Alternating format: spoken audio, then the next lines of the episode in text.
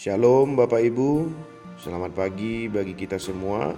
Sebelum kita memulai aktivitas kita, marilah kita mendengar firman Tuhan yang tertulis di dalam Amsal 15 ayat yang ke-8b.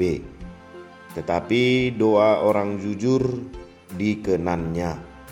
Demikian firman Tuhan. Judul renungan kita jujur membawa berkat. Berbicara tentang kejujuran berarti berbicara tentang hasrat dan motivasi yang muncul dari dalam hati dan pikiran seseorang yang kemudian menghasilkan suatu tindakan.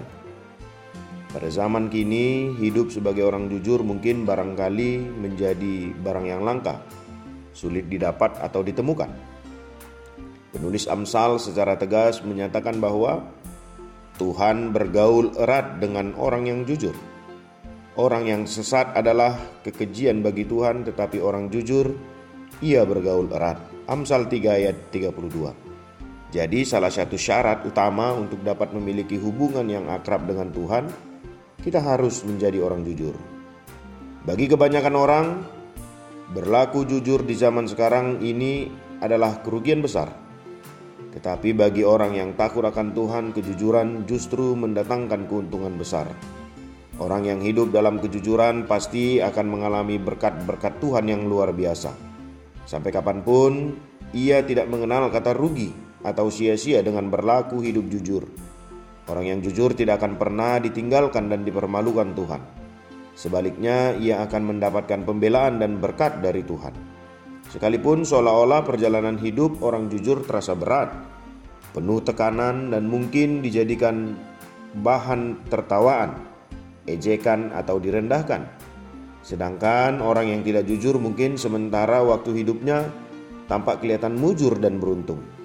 Tetapi pada saatnya orang yang tak jujur akan mengalami kehancuran sebab ia akan berhadapan dengan Tuhan sendiri. Tuhan sendiri yang akan berperkara atas hidupnya. Yakinlah ada masa depan yang baik yang Tuhan sediakan bagi orang yang berlaku jujur. Salah satu berkat luar biasa bagi orang jujur adalah doanya pasti berkenan di hati Tuhan. Seperti yang tertulis di dalam Amsal 15 ayat 8, doa orang jujur dikenannya. Jadi Tuhan menyediakan berkat-berkatnya bagi orang jujur.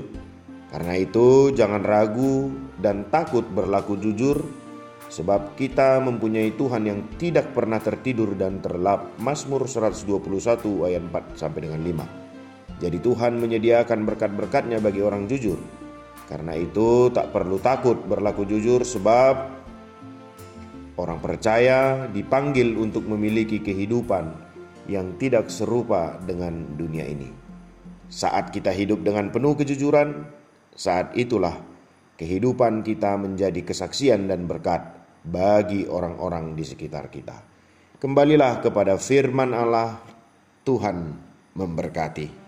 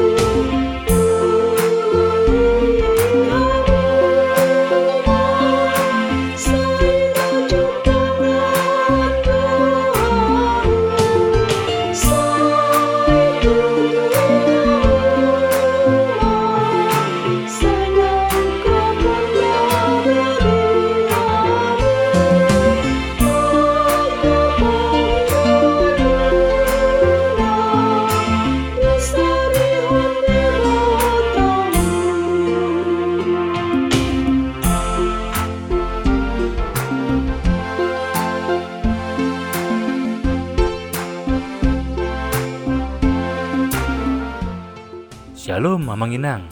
Terima kasih sudah mengawali hari dengan mendengarkan renungan hari ini.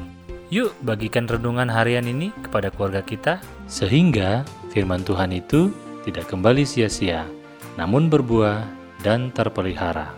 Tuhan Yesus memberkati.